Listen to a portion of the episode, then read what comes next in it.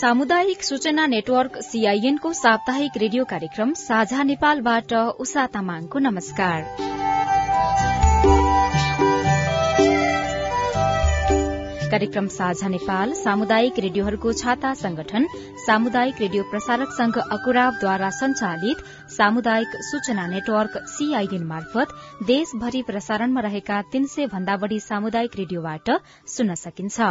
साझा नेपाल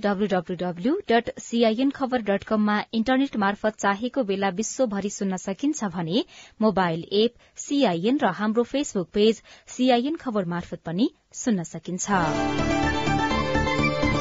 कार्यक्रम साझा नेपालको आजको अंकमा हामी आइतबार अर्थात भोलिबाट शुरू हुन लागेको बलात्कार विरूद्धको चौथो राष्ट्रिय अभियानमा केन्द्रित रहनेछौ।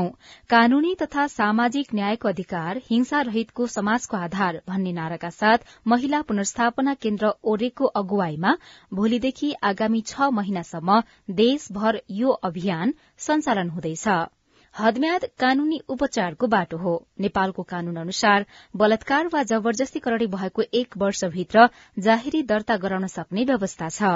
कानूनले एक वर्षभित्र दर्ता हुनुपर्ने भनेको बलात्कार सम्बन्धी जटिल अपराधको आरोप आठ वर्षपछि सार्वजनिक भएपछि यसको अनुसन्धान गर्नुपर्ने र हुन नसक्ने दुवै कोडबाट बहस शुरू भएको छ।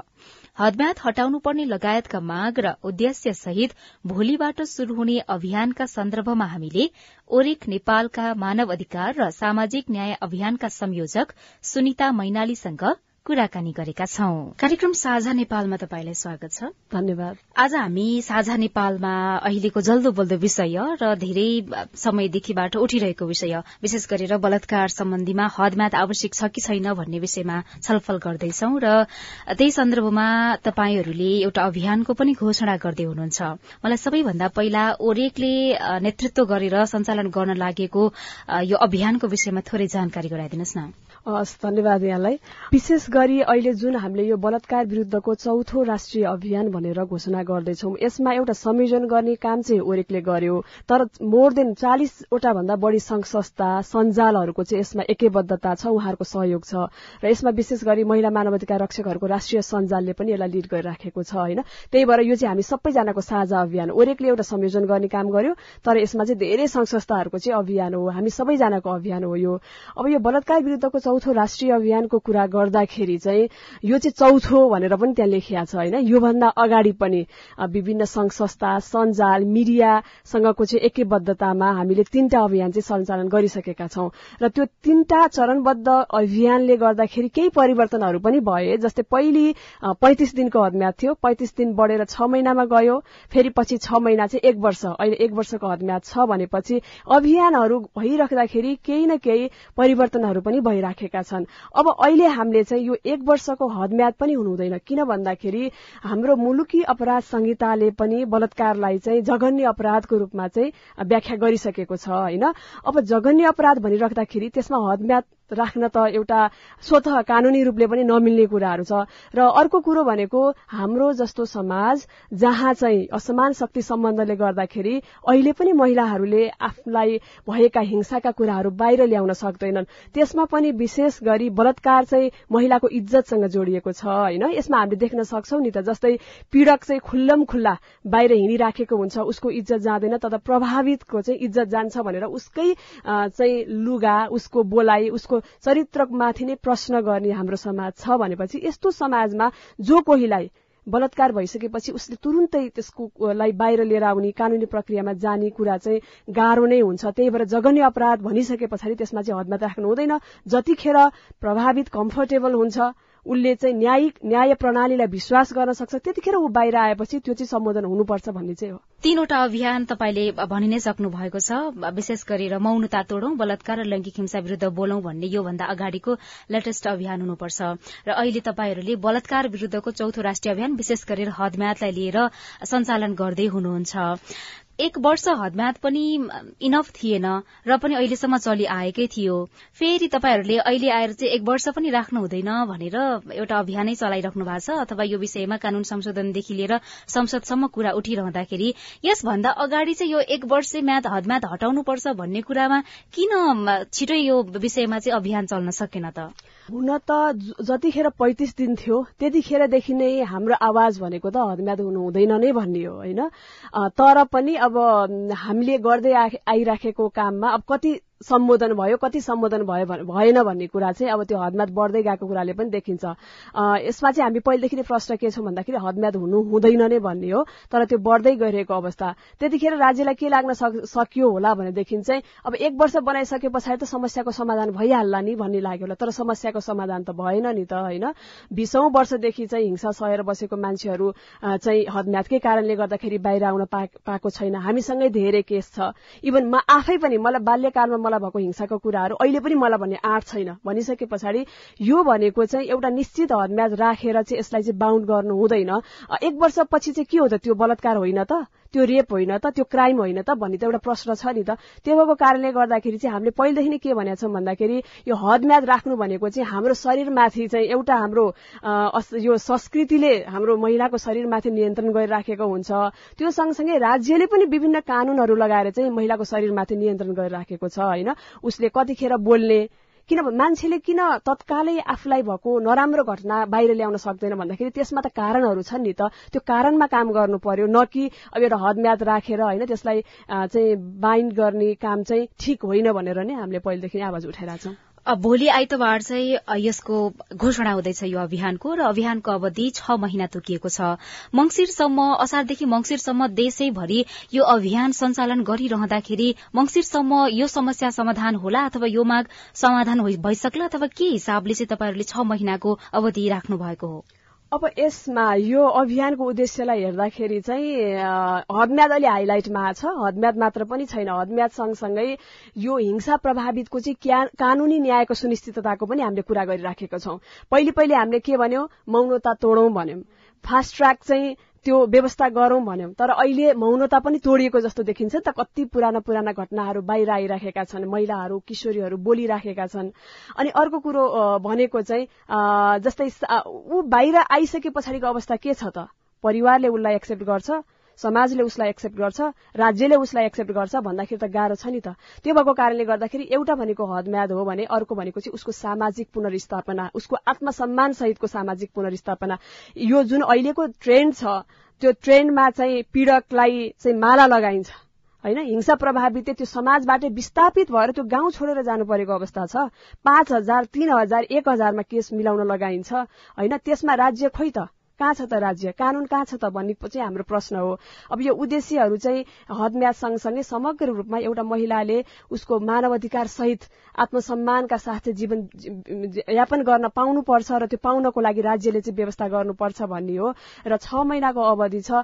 यो अहिले चाहिँ जुन हामीलाई थाहा छ संसदमा पनि संकल्प प्रस्ताव चाहिँ पेश भइसकेका छ। केही माननीय ज्यूहरूले चाहिँ यो हदम्याद हुनु हुँदैन भनेर चाहिँ संकल्प प्रस्ताव पेश गरिसकेको अवस्थामा यो अब टेबल होला छलफल होला होइन? कानून निर्माणकर्ताहरूले यसमा छलफल गर्नुहोला। त्यही भएर उहाँहरूलाई पनि एउटा अलिकति प्रेसर जाओस् प्रेसराइज होस् राज्यले पनि यसको बारेमा सुनोस् बुझोस्। होइन महिलालाई महिला एउटा हिंसा प्रभावित महिलासँग गएर भेटेर चाहिँ कानून बनाओस् भन्छौँ कि हामी चाहिँ होइन? टेबलमा बस्नुभन्दा पनि हिंसा प्रभावितहरूसँग भेट्नु पर्यो ताकि उहाँहरूको जसको सवाल उसको नेतृत्व चाहिँ त्यहाँ झल्किन्छ भन्ने कुराहरू हो। अब छ महिनामा हामी गर्दै जान्छौँ हामीले एउटा टार्गेट त राखेका छौँ पक्कै पनि हाम्रो आवाजले केही न केही त्यहाँ परिवर्तन हुन्छ विगतमा पनि भइरहेछ र अहिले पनि केही न केही हुन्छ भनेर चाहिँ हामी अगाडि बढ़िराखेका छौं। यो राष्ट्रव्यापी रूपमा सञ्चालन हुँदै गर्दाखेरि यसभित्रका मागहरू पनि तपाईँहरूले आफ्नो एउटा संकल्प पत्रमा अथवा आह्वान पत्रमा उल्लेख गर्नु भएको छ। त्यसभित्रका मुख्य मुख्य मागहरू के छन् जसलाई चाहिँ राज्यले सम्बोधन नगरिकन छुट छैन?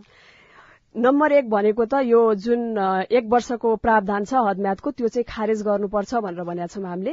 र अर्को भनेको चाहिँ हामीले पहिले फास्ट ट्र्याक कोर्टको कुरा गर्यौं जुन कुरा कानूनमा कतै न कतै सम्बोधन भएको छ तर त्यसको कार्यान्वयन भएको छैन। एउटा हिंसा प्रभावितले बलात्कार लगायत अन्य जघन्य अपराधको बारेमा चाहिँ लामो समयको हियरिङ प्रोसेसले गर्दाखेरि न्यायप्रति चाहिँ उसको चाहिँ वृत्तिसना पनि परिरहेको छ होइन? त्यो भएको कारणले फास्ट ट्र्याकलाई चाहिँ एकदम कार्यान्वयन गर्नु पर्छ भन्ने हिसाबले हामीले आवाज उठाइरहेका छौं भनेदेखि अर्को भनेको महिला जबसम्म समाजमा जात वर्ग धर्म लिङ्ग भूगोल लगायत विभिन्न प्रकारको यो जुन संरचनागत विभेद छ यो विभेदको अन्त्य नभएसम्म चाहिँ समग्र रूपमा एउटा महिला स्वतन्त्र हुन सक्दैन भन्ने हिसाबले चाहिँ यो समाजमा रहेको जुन यो असमानता छ त्यो असमानता विरूद्ध नै राज्यले चाहिँ सम्बोधन गर्नुपर्छ भन्ने चाहिँ हाम्रो छ भनेदेखि अर्को भनेको अघि नै पनि मैले राखिसकेको छु यस्तो संरचना छ हाम्रो जहाँ एउटा प्रभावितले म प्रभावित भई भनेर बाहिर आउँदाखेरि चाहिँ उसलाई कसैले पनि पत्याउँदैन। उसको इज्जतमाथि प्रश्न गर्छ तर उसमाथि जुन हिंसा गर्ने व्यक्ति चाहिँ एकदम खुल्लम खुल्ला होइन आत्मसम्मान सहित उसले चाहिँ बाहिर हिँडिरहेको छ। यो व्यवस्था चाहिँ हुनु हुँदैन। यो व्यवस्थालाई चाहिँ राज्यले सम्बोधन गर्नुपर्छ भन्ने कुराहरू छ धेरै कुराहरू छ र विशेष गरी चाहिँ यो जुन सिर कमिटीले चाहिँ दुई हजार अठारमा जुन नेपाल सरकारलाई पनि एउटा चाहिँ रिकमेन्डेसन गरेका छ। त्यसमा चाहिँ के भनेको छ भन्दाखेरि जुनसुकै कानून जो चाहिँ महिला किशोरीलाई चाहिँ असम्मान गर्ने खाले कानून छ त्यो कानूनको चाहिँ खारेज गर भनेर चाहिँ भनेको छ। भनेपछि त हदम्यादले पनि त एक किसिमले त त्यस विभेद त निम्त्याएको छ। त्यही भएर हामी नेपाल विभिन्न अन्तर्राष्ट्रिय यो मानवाधिकार होइन सन्धि सम्झौतामा हामीले हस्ताक्षर गरेको कारणले गर्दाखेरि पनि नेपाल त्यसको पक्ष राष्ट्र भएको कारणले गर्दाखेरि पनि ती कुराहरूलाई अन्तर्राष्ट्रिय जुन मेकानिजमहरूले हामीलाई दिएको रिकमेन्डेसन पनि हामीले एक्सेप्ट गर्नुपर्छ भन्ने हिसाबले चाहिँ हामीले यस्तै यस्तै कुराहरू चाहिँ राखेका छौँ र अर्को महत्वपूर्ण भनेको चाहिँ बलात्कारबाट जन्मिसकेको जुन बालबालिका छ उनीहरूको पहिचानको कुरा छ हुन त राज्यले हुन्छ भन्ने कुराहरू गरेको छ तर अहिले पनि सरल रूपले मैले मेरो आमाको नामबाट नागरिकता पाउँदिनँ। होइन? संविधानले त अंश र वंशमा समान अधिकार भनेर भनेको छ। तर म जाउँ त मलाई इभन जन्म दर्ता गर्न पनि मैले कति धेरै समस्याहरू भोग्नुपर्छ भनेपछि यी जटि यी जुन जटिलता छ यो झन्झटिलो कुराहरू छ यो चाहिँ पूर्ण रूपमा चाहिँ हुनु हुँदैन भन्ने कुराहरू छ। काठमाडौँ एउटा केन्द्रमा रहेर तपाईँहरूले यहाँ सञ्चालन गर्ने अभियान अथवा तपाईँहरूको तौर तरिका कस्तो हुन्छ र देशभरमै सञ्चालन गर्ने अभियान चाहिँ कस्तो खालको हुन्छ? छ महिनासम्म निरन्तर के तपाईँहरूले प्लानिङ गर्नु भएको छ? हामीले अहिले चाहिँ एउटा सामान्य खाका चाहिँ कोरेका छौं। यो चाहिँ अब आइतबार दिउँसो तीन बजे चाहिँ सबै प्रदेशमा एकैसाथ घोषणा हुँदैछ। विशेष गरी त्यो दिन चाहिँ हामीले अब मासमा हाम्रो मास डेमोन्स्ट्रेसनहरू देखाउने होइन? त्यसमा चाहिँ हाम्रो अभियान घोषणा गर्ने कामहरू अनि विभिन्न खाले कविता गीत नाटकहरू मार्फत चाहिँ सन्देशहरू फैलाउने कामहरू हुन्छ। त्यो सँगसँगै अब यो छ महिनाको अवधिभरि भनेको हामीले जुन हाम्रो सरोकारवाला निकायहरू हुनुहुन्छ उहाँहरूलाई ध्यानकर्षण पत्रहरू बुझाउने कुरा छ। हामी संसदको विभिन्न समितिहरू छ समितिहरूसँग बस्छौं छलफल गर्छौं। उहाँहरूलाई चाहिँ अलिकति सेन्सिटाइज गराउन भनौँ न। उहाँहरूलाई जवाबदेही बनाउनको लागि चाहिँ हामी स्प्यारो म्यासेजिङ होइन मोबाइलबाट एउटै खाले म्यासेज सबैलाई एकचोटि फ्लो गर्ने कामहरू गर्छौं। प्रदेश लेभलका छलफलहरू गर्छौं। उहाँहरूलाई राखेर सरकारी वकिललाई राखेर प्रहरीलाई राखेर के हो त यो इस्यु उहाँले चाहिँ कस्तो खाले झन्झटहरू बिहोर्नु भएको छ त? के साँच्चै एक वर्षको हदनाथले गर्दाखेरि उहाँहरूलाई सजिलो भएको छ त? भन्ने विषयमा पनि हामी छलफल गर्छौं र छलफलबाट आएका निष्कर्षहरू फेरि हामी चाहिँ होइन कानून निर्माणकर्ताहरूलाई त्यसको सेयरिङ गर्ने कामहरू गर्छौं। यस्तै यस्तै खाले नै छ अलिकति। एउटा भनेको अवेरनेसको पार्टमा छ भनेदेखि अर्को चाहिँ अलिकति एडभोकेसी लेभलको सम्बन्धित सरकारवाला निकायलाई चाहिँ यसमा जवाफदेही बनाउने कुरा घचघच्याउने कुराहरू नै बढ़ी छ। यहाँनिर माग गरिएको अनुसार अथवा आह्वान पत्रमा उल्लेख गरिएका विभिन्न विषयवस्तुमा सड़कदेखि सदनसम्म विभिन्न समयमा छलफल हुने गरेकै हो। त्यसमा पनि खास गरेर आमाको नामबाट नागरिकता र यो बलात्कारको हदम्याद सम्बन्धी विषयले अहिले प्राथमिकता पाइरहेको छ र यसै विषयलाई लिएर विभिन्न खालको तहगत छलफलहरू पनि भइरहेको छ। यो छलफलहरूमा तपाईँहरू पनि सहभागी हुँदै गर्नु भएको छ होला। विभिन्न तहगत छलफलमा सहभागी हुँदै गर्दाखेरि खास गरी कस्तो खालको मतको चाहिँ अलिकति बढ़ी देखिन्छ यो हदम्यादको सम्बन्धमा। अब अहिले यो अलिकति मिश्रित कुराहरू नै आइराखेको छ र मिश्रित कुराहरू आउनुमा त्यो धेरै नौलो पनि लाग्दैन मलाई किन भन्दाखेरि हाम्रो समाज आफैमा विभाजित छ नि त होइन? कति एउटा एउटा तह तब्का छ जसको स्रोतमाथि पहुँच अर्को तह तब्का छ जसको छैन। एउटाले बोलेको आवाज सुनिन्छ अर्कोले बोलेको सुनिँदैन। भनेपछि हद म्यादको बारेमा कसले आवाज उठाइराखेको छ भन्दाखेरि जसलाई त्यसले प्रभाव पारेको छ। मलाई लाग्छ सबै महिला किशोरीहरूलाई त्यसले प्रभाव पार्छ। अहिले अहिले मलाई समस्या नपर्ला तर भोलि पर्ने त चान्सेस एकदमै हाई छ भनिसके पछाडि कतिपयले चाहिँ हदम्याद हुनु हुँदैन नै भन्ने कुराले अगाडि बढिराख्नु भएको छ। तर केही कोही कोहीले चाहिँ हदम्याद नहुँदाखेरि फेरि भोलि चाहिँ होइन फेक केसेसहरू पनि बाहिर आउने हो कि? त्यो गर्दाखेरि चाहिँ कसरी चाहिँ हाम्रो देशको न्याय प्रणालीले त्यसलाई थेक्छ अनि जोले चाहिँ जो चाहिँ हिंसा नै नगरेको मान्छे पनि कानूनको दायरामा आउँदाखेरि ऊ जेल पर्नुपर्ने हो कि भन्ने कुराहरू पनि आछ। तर यसमा चाहिँ अब जो कोहीले पनि गल्ती गर्छ भने त गल्तीको सजाय त उसले त पाउनुपर्छ जस्तै हदम्याद अहिले पनि त हदम्याद भएर पनि त कति धेरै चाहिँ जो हिंसा गर्ने व्यक्तिहरू त छुट्टी नै रहेको छ नि त होइन?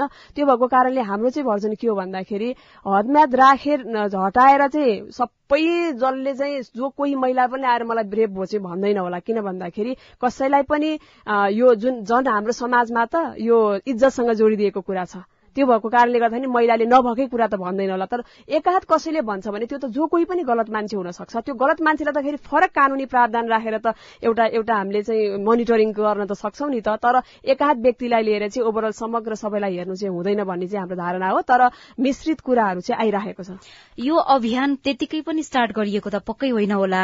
कस्तो खालको घटनाहरू तपाईँहरू सामु आइपुग्दाखेरि चाहिँ साँच्चीकैले यो अभियानले चाहिँ सार्थकता पाउनुपर्छ भन्ने लाग्छ तपाईँलाई? महिला हिंसा विरूद्धको अभियान त देशव्यापी रूपमै चलिरहेछ निरन्तर होइन। हजुर चलिराखेको छ।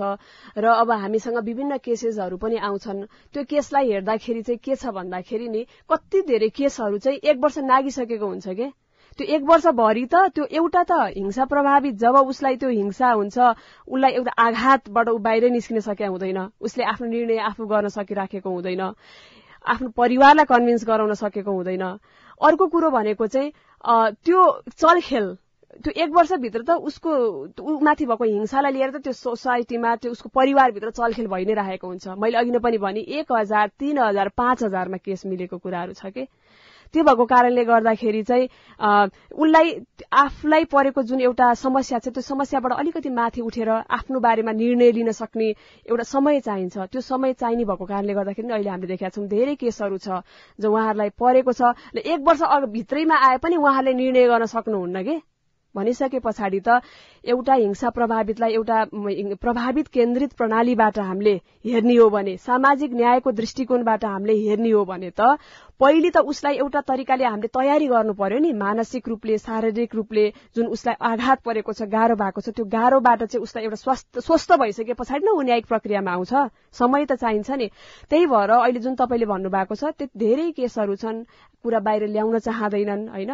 कतिजनाले ल्याउन चाहन्छन् तर बीस वर्ष तीस वर्ष पछि उनीहरूको कुराहरू आइराखेको हुन्छ। दुई वर्ष तीन वर्षपछि कुराहरू आइराखेको हुन्छ। अझै यसभित्र त जुन हामीले म्यारिटल रेपको कुराहरू गर्छौँ अब त्यो म्यारिटल रेप त अब त्यो नाता हारनाताका कुराहरू म्यारिटल रेपको कुराहरूको त अब जतिखेर पनि भन्ने कुराहरू छ त्यो मान्छेले सहजै ठ्याक्क आफूलाई हुने बित्तिकै बाहिर निकाल्ने अवस्था चाहिँ धेरै नै गाह्रो छ। विभिन्न छलफलहरूमा सहभागी हुँदै गर्दाखेरि खास गरी पुरूष सांसदज्यूहरू अथवा पुरूष मान्यज्यूहरूले चाहिँ हदमादै नराखिसके पछाडि त कहिले हो कहिलेको घटना ल्याएर पुरूषहरूलाई त फसाइदिइहाल्छन् नि भन्ने खालको अभिव्यक्तिहरू पनि दिएको सुनिन्छ जसले गर्दाखेरि हदमात हटाउनु हुँदैन भन्ने पक्षमा उहाँहरू बढ़ी भन्दा बढ़ी देखिनुहुन्छ। र अहिले हाम्रो यो कार्यक्रम सुनिरहँदाखेरि पनि कतिपय व्यक्तिहरूले भनिरहनु भएको होला यो विषयमा मैले अहिले भने जस्तै। खास तपाईँलाई के लाग्छ? यस्तो खालको सोच किन विकास भइराखेको छ? अथवा यो सोच कति को चाहिँ यो सही छ त? पक्कै पनि यो चाहिँ एउटा पितृसत्तात्मक सोच भन्छौँ नि हामीले होइन? त्यो पितृसत्तात्मक सोचबाट हामी जो कोही पनि गाइडेड हुन सक्छौँ। हामी यही समाजको मान्छे हौ यही समाजको हावापानी यही समाजको खानेकुरा खाँदै हुर्क्यौँ। समाजले हामीलाई त्यही सिकायो हामी त्यही सोच्छौँ। एउटा कुरो चाहिँ के हो भन्दाखेरि एउटा हामीमा एउटा वृहत बुझाइको कमी के छ? महिलामाथि हुने हिंसा भनेको महिलाको मात्र सवाल होइन। होइन? यो त समग्र राज्यको सवाल हो एउटा पुरुषको सवाल हो एउटा महिलाको सवाल हो सबैजनाको सवाल हो नि? किन भन्दाखेरि हामीले विकासको कुरा गर्छौं समृद्धिको कुरा गर्छौं। आधा भन्दा बढी जनसंख्या चाहिँ जहिले पनि हिंसामा पिल्सिएर बसेपछि हामीले सोचेको हामीले सपना देखेको विकास त सम्भव छैन। त्यो भएको कारणले गर्दाखेरि यसलाई चाहिँ हामीले हुन्छ नि एउटा समाजलाई विखण्डन ल्याउँछ कि होइन? भोलि चाहिँ त्यो घटना नघटेकै मान्छेहरूलाई चाहिँ कानूनी दायरामा ल्याइन्छ कि भन्ने जुन केही अभिव्यक्तिहरू छन् त्यो तरिकाले चाहिँ हेर्नु हुँदैन। किन भन्दाखेरि यो कुनै पुरुषको विरोध होइन नि त। यो त हामीले संरचनाको कुरा गरिराखेको छौं। हाम्रो अभियानमा पुरुषलाई विरोध गर्ने अभियान त होइन। हामी त सँगसँगै जानुपर्छ अगाडि। हामी महिला पुरुष यौनिक तथा लैङ्गिक अल्पसंख्यक अपाङ्गता सबैजना हाम्रो मुद्दा हो यो। हामी सँगसँगै अगाडि बढ्नुपर्छ भन्ने कुरा नै हो। अब तर अब यस्ता अभिव्यक्ति आउनु भनेको चाहिँ एउटा समानुभूतिको कमी पनि होला। त्यो ठाउँमा आफूलाई राखेर हेर्न सक्यो भने धेरै कुराहरू हामीले चाहिँ महसुस गर्न सक्छौँ कि होइन? त्यो भएको कारणले गर्दाखेरि एउटा त संरचना जुन चाहिँ असमान छ त्यो असमानताले हामीलाई एउटा सोच डेभलप गरिदिएको छ। त्यो सोचबाट हामी गाइडेड भएर चाहिँ अब यस्ता यस्ता अभिव्यक्ति आउन सक्छन् तर रूपान्तरणको चाहिँ एकदमै धेरै खाँचो छ हाम्रो सोचमै। हदम्यादकै विषयमा अलिकति बढ़ी नै छलफल भइरहेको छ हाम्रो। यद्यपि हाम्रो अभियानको अरू पनि मागहरू छन् र उद्देश्यहरू पनि छन्। अहिले यही विषयमा चर्चा भइरहेको कारणले गर्दा यसमा अलिक बढ़ी छलफल भएको जस्तो पनि देखियो। खास गरी संसदमा भइरहेको छलफललाई हेर्ने हो भने पनि विशेष गरेर महिला सांसदहरूले मात्रै हदम्याद राख्नु हुँदैन भन्ने पक्षमा वकालत गरेको जस्तो देखिन्छ। पुरूष सांसदहरूले कमै बोल्नु भएको छ। सहमतिमा कानून बन्नुपर्ने हो खास गरी त। अब यस्तो अवस्थामा कसरी चाहिँ त्यहाँ भएको सबै सांसदलाई समान विचारधारामा ल्याउन सकिन्छ होला अथवा गर्नुपर्ने के हो? या फेरि खास के को यहाँ अभाव देख्नुहुन्छ तपाईँ? यहाँ दुईटा कुरा छन्। एउटा भनेको जुन एउटा परिपाटी छ महिलाको शरीर भनेको एउटा नियन्त्रण गर्नुपर्ने वस्तु त्यो सोच छ होइन? हिंसा खेप्नु परेको छ महिलाको शरीरले तर कसले चाहिँ त्यो कानून बनाइरहेछ भन्दाखेरि त्यहाँ कसले बनाइरहेछ भन्ने कुरा एउटा प्रश्न छ क्या किन हिंसा मैले भोगेको छु नि? मेरो लाइफको एक्सपिरियन्स त मेरो हो नि त। होइन? त्यसलाई अरूले कसरी लिन्छ भन्ने कुरो सबैभन्दा महत्वपूर्ण छ। समाज यो जुन संस्कारको नाममा संस्कृतिको नाममा होइन एउटा एक हिसाबले महिलालाई जुन जसरी त्यो एउटा जन्जिरले बाँधिएको छ त्यस्तै गरी कानूनी रूपमा पनि बाँच्न कोसिस गरिन्छ। त्यो त्यो साधारणतया त्यो गरिन्छ किन भन्दाखेरि पितृसत्ताको सबैभन्दा एउटा महत्वपूर्ण बुझाइ के हो भन्दाखेरि महिलाहरू सक्षम हुन सक्दैनन् भन्ने हो। महिलालाई चाहिँ दबाएर राख्नुपर्छ भन्ने कुरा एकदम साधारणतया त्यो सोचबाट हामी गाइडेड छौँ। त्यो भएको कारणले गर्दाखेरि त्यो जुन हदम्यादको विषय लगायत अन्य पनि छन् लगायत महिलाका अधिकारको कुरा गर्दाखेरि त्यो फ्रेगमेन्टेसन त्यो त्यो छुटिएको देखिन्छ। होइन? त्यो भएको कारणले गर्दाखेरि मलाई लागेको चाहिँ अब हाम्रो जुन केही महिला माननीय जीवहरू हुनुहुन्छ उहाँहरूले एकदम डरोसँग कुरा उठाइराख्नु भएको छ। सड़कबाट विभिन्न ठाउँबाट हामीले गर्ने काम हामी गर्छौं। अब संसदमा त्यहाँ चाहिँ अलिकति आवाज बुलन्द बनाउने काम धेरैलाई त्यहाँ समेट्ने काम चाहिँ उहाँहरूले पनि गर्नुपर्छ गरी पनि राख्नु भएको छ। यो चाहिँ एउटा जोइन्ट नै हो। हामी सबैजनाले मिलेर गर्नुपर्ने भएको कारणले गर्दाखेरि हाम्रो जिम्मेवारीमा आएको कामहरू हामी गर्छौं र उहाँहरूको जिम्मेवारीमा भएको कुराहरू उहाँहरूले गर्नु पर्यो। यसरी नै जानुपर्छ होला। अब थोरै चाहिँ भोलि हुने कार्यक्रमको विषयमा कुरा गरौं। भोलि तपाईँहरूले के के गर्दै हुनुहुन्छ र त्यहाँ सहभागिताको लागि क कसलाई आह्वान गर्नुहुन्छ र भोलिको कार्यक्रमलाई सार्थकता दिनको लागि कोबाट कस्तो खालको सहयोग चाहनुहुन्छ? हामीले चाहिँ एउटा आह्वान पनि गरेका छौँ होइन? भोलिको कार्यक्रममा हामीले विभिन्न कलेजहरूसँग कोअर्डिनेसन गरेका छौँ विभिन्न संघ संस्था सञ्जाल महिला समूहहरू किशोरी समूहहरूसँग हामीले कोअर्डिनेसन गरेका छौँ हामीले मिडियासँग पनि कोअर्डिनेसन गरेका छौँ। भोलि हामीले चाहिँ अभियान घोषणा गर्नुभन्दा अगाडि एउटा पत्रकारहरूसँग बसेर पत्रकार सम्मेलनको कार्यक्रम पनि राखेका छौं।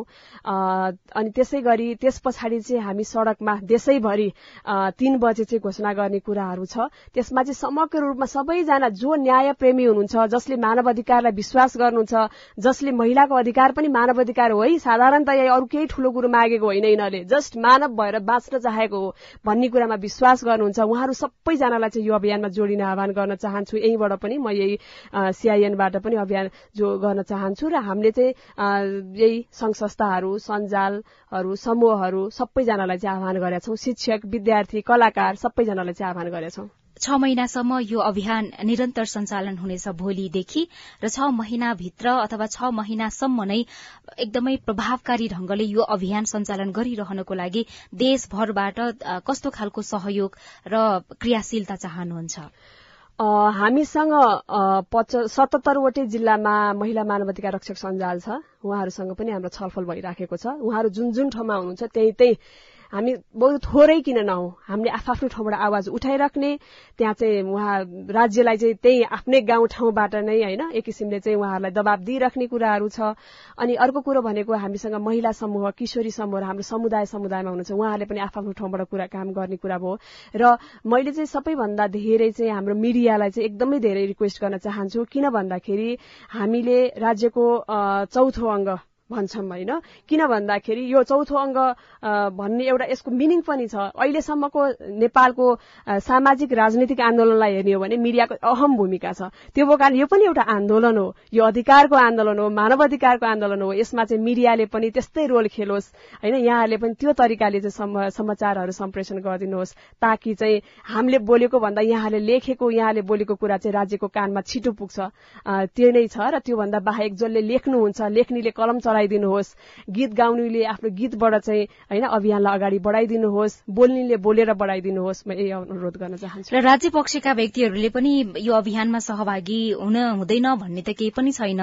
खास गरेर यो घटनाहरूसँग अथवा यो मागहरूसँग प्रत्यक्ष सरोकार राख्ने अथवा ओभरअलमा चाहिँ राज्य पक्षबाट चाहिँ कस्तो खालको सहयोगहरू अथवा अपेक्षाहरू गर्नु भएको छ त?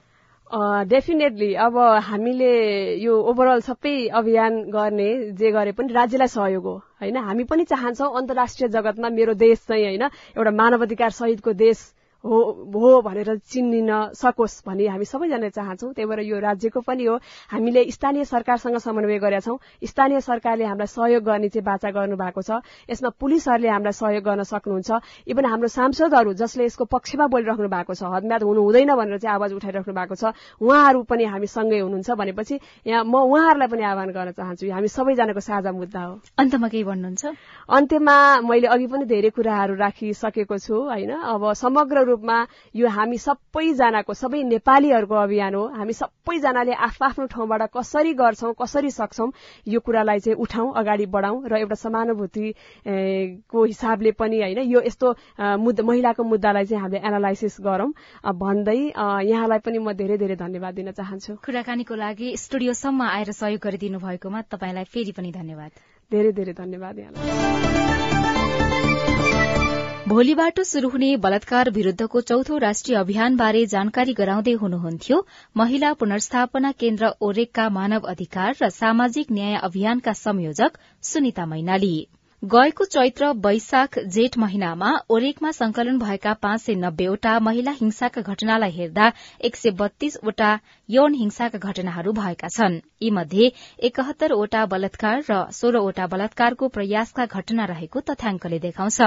त्यसै गरी नेपाल प्रहरीको दुई हजार सतहत्तर अठहत्तरको तथ्याङ्कलाई विश्लेषण गर्दा दैनिक औषध सातवटा बलात्कारका घटनाको उजुरी परेको देखिन्छ। यही छलफलसँगै हामी कार्यक्रम साझा नेपालको अन्त्यमा आइपुगेका छौं। साझा नेपाल तपाईंलाई कस्तो लाग्यो? हाम्रो टेलिफोन नम्बर शून्य एक बान्न साठी छ चार छमा फोन गरेर दिइएको निर्देशन अनुसार आफ्नो जिज्ञासा सल्लाह सुझाव तथा प्रतिक्रिया रेकर्ड गर्न सक्नुहुन्छ। हवस् त आउँदो साता आजकै समयमा फेरि रेडियो कार्यक्रम साझा नेपाल लिएर उपस्थित हुनेछौ। त्यतिन्जेलसम्मका लागि प्राविधिक साथी सुभाष पन्तलाई धन्यवाद दिँदै उषा तामाङ विदा हुन्छु। आउँदो साताको साझा नेपालमा फेरि भेटौंला। नमस्कार।